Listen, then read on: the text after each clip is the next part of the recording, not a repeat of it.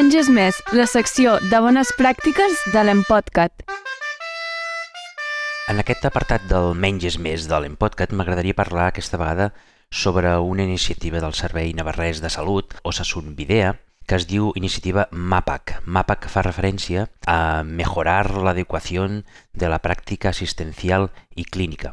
I concretament, en aquest cas, parlen de l'ús de l'albúmina en diferents indicacions. És una revisió que fan el 2020 i la fan perquè van veure que a partir de l'any 2019 havia augmentat un 40% l'ús de l'albúmina. Recordem que l'albúmina és un hemoderivat i per tant és un bé escàs i molt valuós.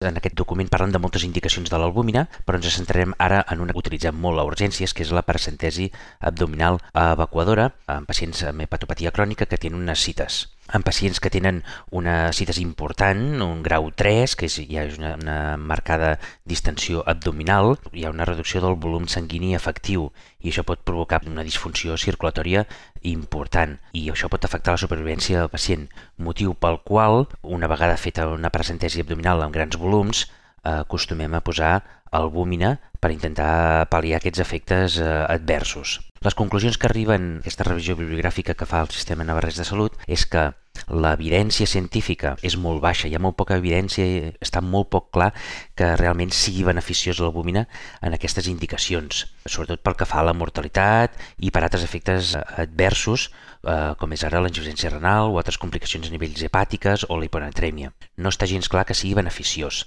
Tot i així, reconeixen que les guies recomanen que quan hi hagi una extracció de més de 5 litres de cites, fem una, una administració d'albúmina. Per tant, les recomanacions finals que fa aquesta iniciativa MAPAC és que en paracentesis abdominals evacuadores de més de 5 litres administrem 6-8 grams d'albúmina per cada litre del líquid acític extret. En percentesis de menys de 5 litres no s'hauria de fer de forma sistemàtica, excepte que siguin pacients amb acites d'alt risc,